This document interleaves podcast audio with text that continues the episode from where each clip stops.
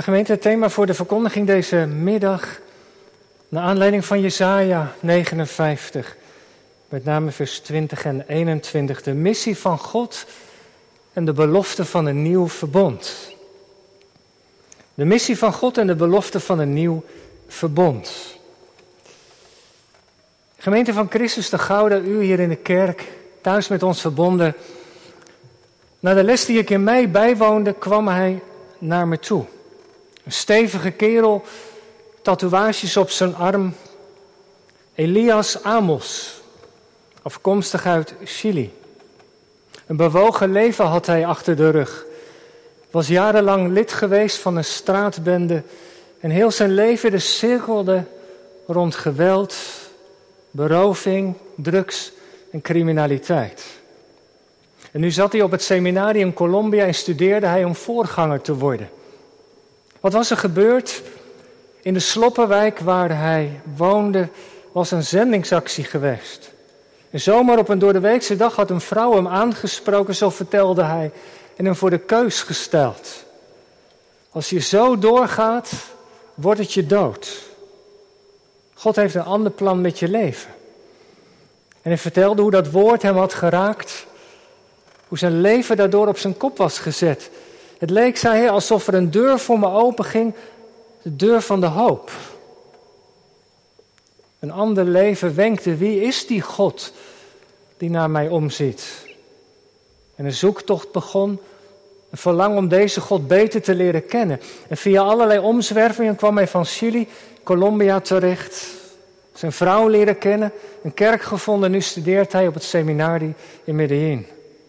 En met maar één verlangen om met zijn leven God te dienen. En zijn getuigenis in de wandelgangen ontroerde me.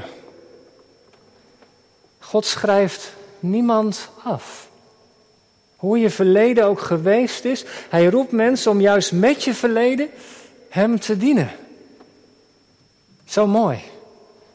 Daar waar alles uitzichtloos leek in die sloppenwijk, daar opende God de deur van de hoop. En dat zie je telkens ook weer gebeuren. En misschien herkennen we dat ook wel uit ons eigen leven.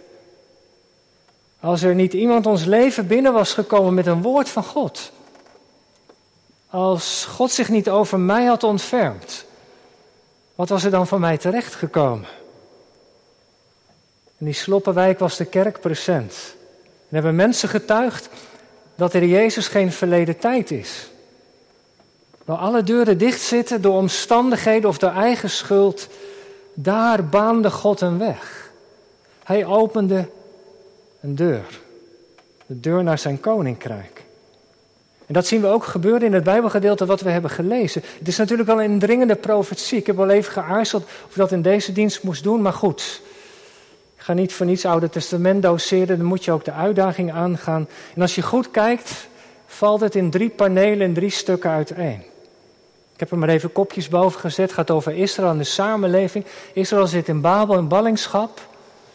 De versen 9 tot 15 gaan over de profeet die bidt namens het volk. En het slot gaat over God zelf. Die in beweging komt met zijn belofte, een profetisch drieluik. En in het Bijbelgedeelte in Jesaja 59 komen heel veel lijnen samen van het boek Jesaja. En op de achtergrond speelt de roeping van het volk Israël om een licht voor de volkeren te zijn. Als dienaar van God was het geroepen om aan de volkeren te laten zien hoe een leven met God eruit ziet. Om iets te laten zien hoe het leven van het koninkrijk bedoeld is. Denk aan Jezaja 2, dat prachtige visioen waar de volken naar Jeruzalem opgaan om de woorden van de God van de Torah te horen. Waar zwaarden worden omgesmeed tot ploegscharen hoe actueel is dat? Speren tot snoeimessen. Of denk aan Jezaja 42, wat in onze eerste uitzendingsdienst centraal stond. Israël als licht voor de volkeren. Om blinden de ogen te openen, zij die gevangen zitten in de duisternis uit te leiden. En dat is de roeping van het volk, maar het komt er niet van. Vers 9 en 10, we zitten in het donker, zegt Israël. We, we tasten. Er is geen enkel licht, geen perspectief, we struikelen. De roeping om, om, om tot licht voor de volkeren te zijn, de missie om God te dienen, Het komt er niet van, het komt niet uit de verf. En waarom niet? Nou, dat wordt in dat eerste paneel getekend.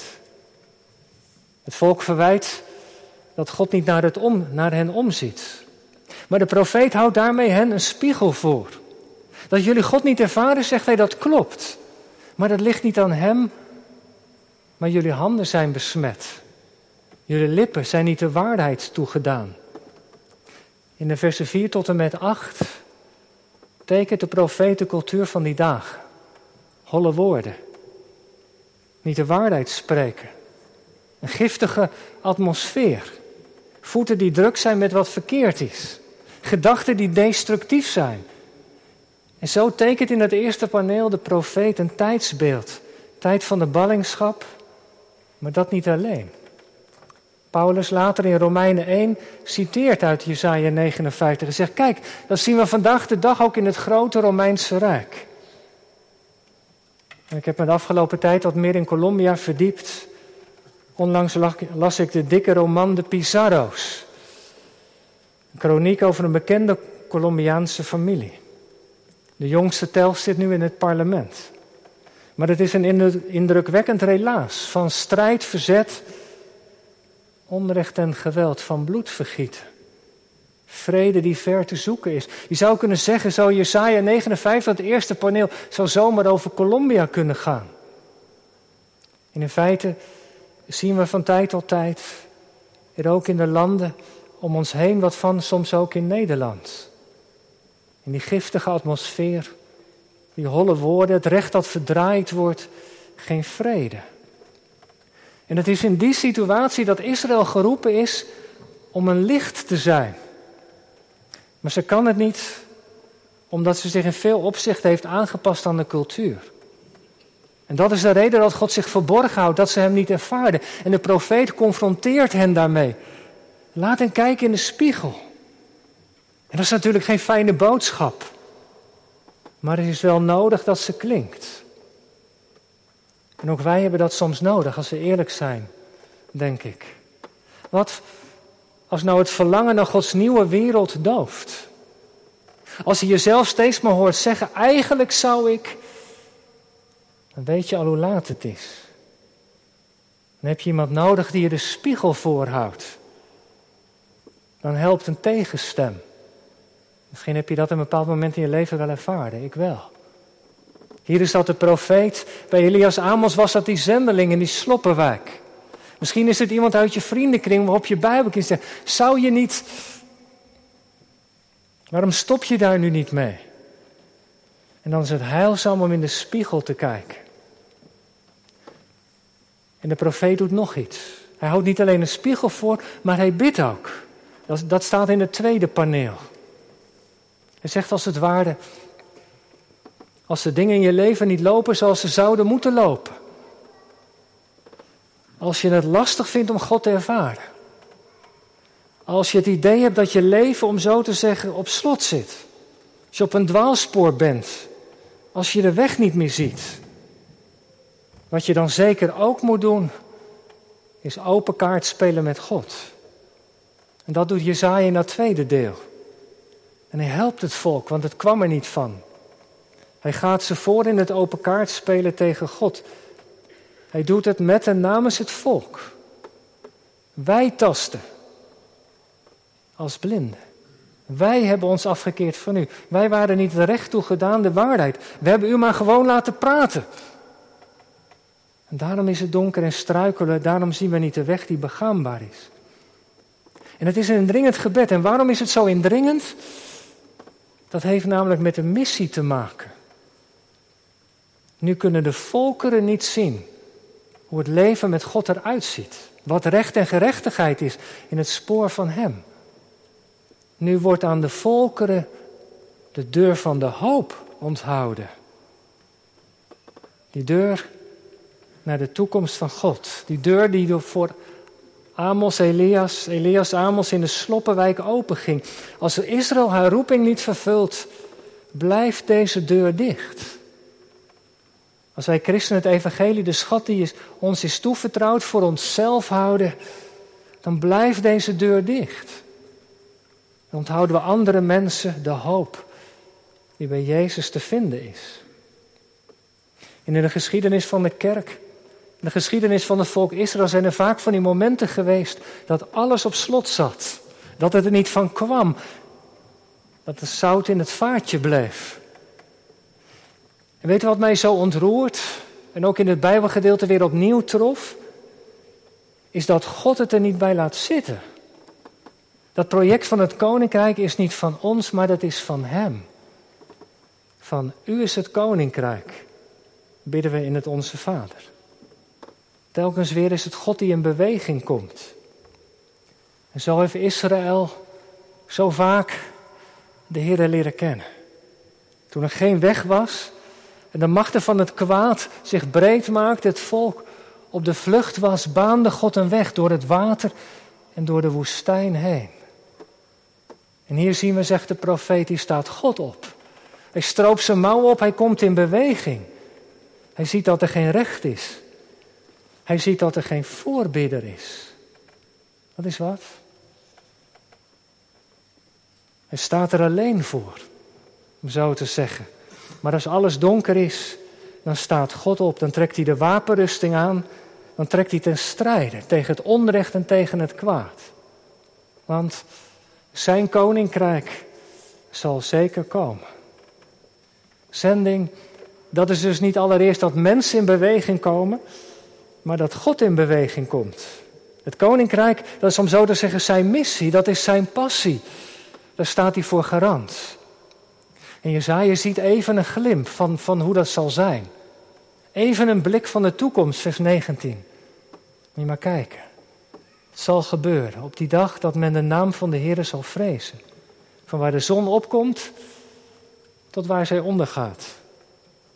De kustlanden zullen de heerlijkheid van God zien. Nederland is een kustland. Chili en Colombia ook. Vele andere landen. Vergis je dus niet, zegt de profeet. Gods nieuwe wereld die gaat komen, absoluut. Het kwaad en het onrecht hebben niet het laatste woord, want God heeft in deze wereld de deur van de hoop geopend. Die deur die kan niemand sluiten. In deze wereld. Soms met zijn holle woorden en de giftige cultuur. Waar polarisatie en onrecht hand in hand lijken te gaan. Ja, maar Jesaja, dat gaat over de toekomst. Kunnen wij vandaag wat met dat profetische woord? Ja, ik denk het wel. Want juist met het oog op die toekomst geeft God twee beloften. Dan zet ik even een streep onder vers 20. God zegt, er zal een verlosser naar Sion komen. Later is het de apostel Paulus die in een Romeinenbrief zegt, die verlosser, dat is Jezus. Hij is van Gods wegen gezonden in deze gebroken wereld. In de diepte.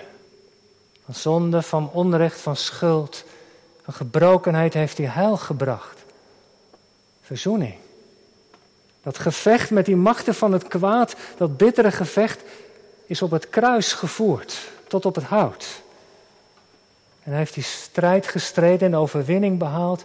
En in Jezus strekt God zijn handen naar ons uit. Jezus is geen verleden tijd. En dat is waar wij als kerk van leven. Dat is de boodschap die ons is toevertrouwd. Jezus leeft. En als je in het boek van de kerk Handelingen gaat lezen, dan kom je die naam op elke bladzijde tegen. Je ziet hoe, hoe Jezus levens van mensen binnenkomt en verandert. Zoals bij die knul, Elias Amos. In hem gaat de deur van de hoop open. En daarom staat Jezus ook altijd centraal, als het goed is. In zending en evangelisatie, alles draait tenslotte om Hem. In de kerk, in de zending en in elke cultuur. Ik moest terugdenken aan 24 jaar geleden. We hadden de opleiding gedaan in het zendingshuis, het Henry Kramer Instituut. En toen kregen we een poster, die heeft jarenlang op mijn studeerkamer gehangen. Een kruis op die poster en daar allemaal afbeeldingen van de Heer Jezus op die poster. Afbeeldingen van Jezus uit allerlei culturen. Jezus in Korea zag eruit als een Koreaan. Jezus in Afrika als een donkere Jezus. En zo waren er vele voorbeelden. Maar de boodschap was helder. In het christelijk geloof draait het om Jezus. Maar je hebt elkaar nodig om Hem beter te verstaan, om iets van de rijkdom van wie Jezus is te ontdekken. En ik dacht, hoe waar is dat? Jezus is veel groter dan het beeld dat ik van Hem heb, of dat wij met elkaar van Hem hebben. We hebben de gelovigen van de wereldkerk nodig.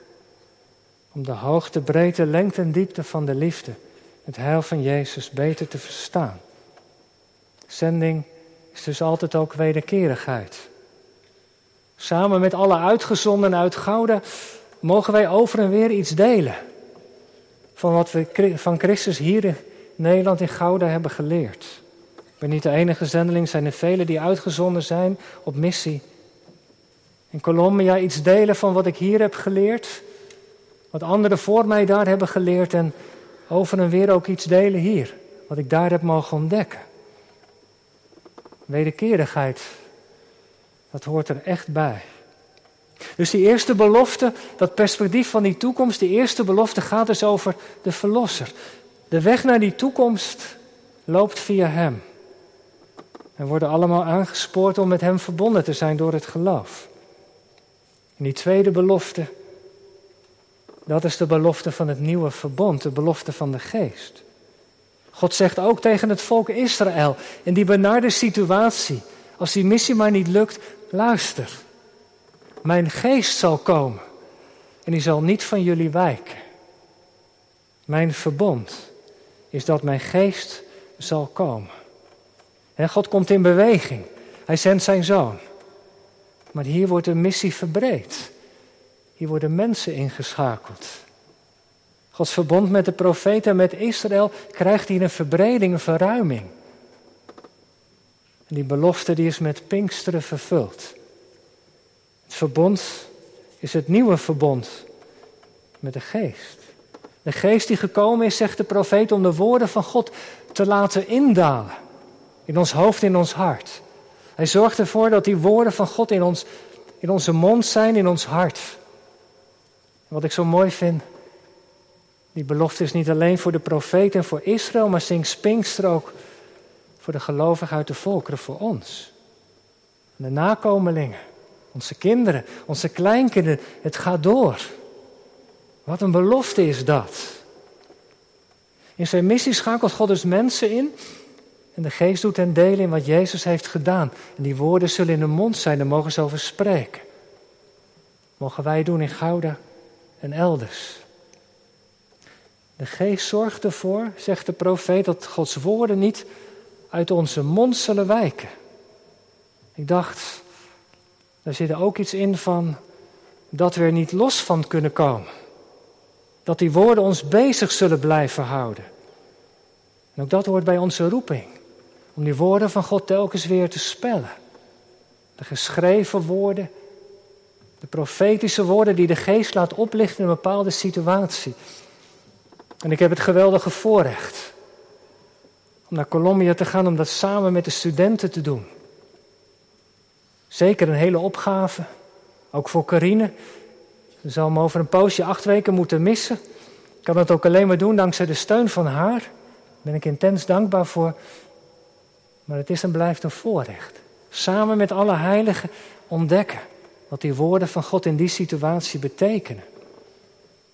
Maar dat is natuurlijk voor ons hier ook niet anders.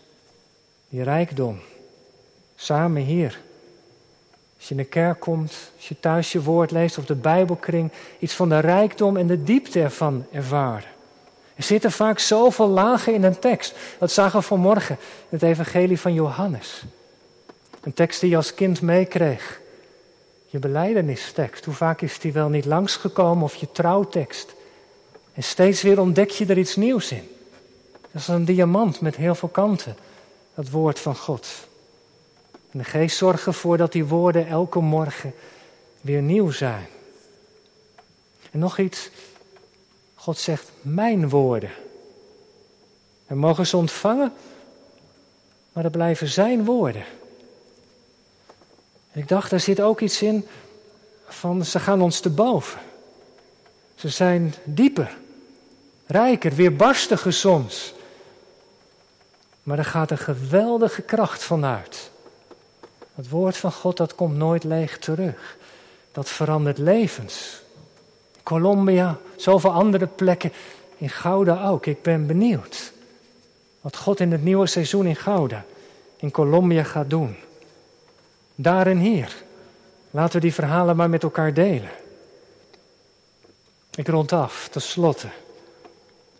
In een wereld waarin veel in beweging is, zoveel stuk ook, zendt God ons uit. Wij allemaal zijn op missie. Ik zou zo zeggen, een christen is altijd op missie, waar je ook bent. Op je werk, te midden van je vrienden, op die verjaardag. En laten we dan gevoelig zijn voor de woorden die de geest laat oplichten. Om te spreken, misschien geeft hij ons een grote oren om te luisteren. En ja, net als bij Israël, het komt er lang niet altijd van. We blijven maar kwetsbare mensen. Maar één ding weet ik zeker. God zal aan ons blijven trekken. Aan jullie, aan mij, aan ons allemaal. Zending, dat is immers de missie van God zelf. Hij is in beweging gekomen. Hij is in deze wereld aan het werk. Sinds Pinksteren blaast er een wind over de wereld. En die geest die blaast. En die blaast ons naar Christus toe. Telkens weer opnieuw. Maar van daaruit ook de wereld in. In de stad, in het land, in een andere cultuur. Want mensen moeten weten dat er een deur is die open staat. De deur van de hoop. En Jezus is die deur. Daarom bidden we, zometeen met het lied. Open overal de poort, Heer, voor uw voortvarend woord. Win elk volk met stille kracht voor uw rijk. Verdrijf de nacht. Erbarm u, Heer. Amen.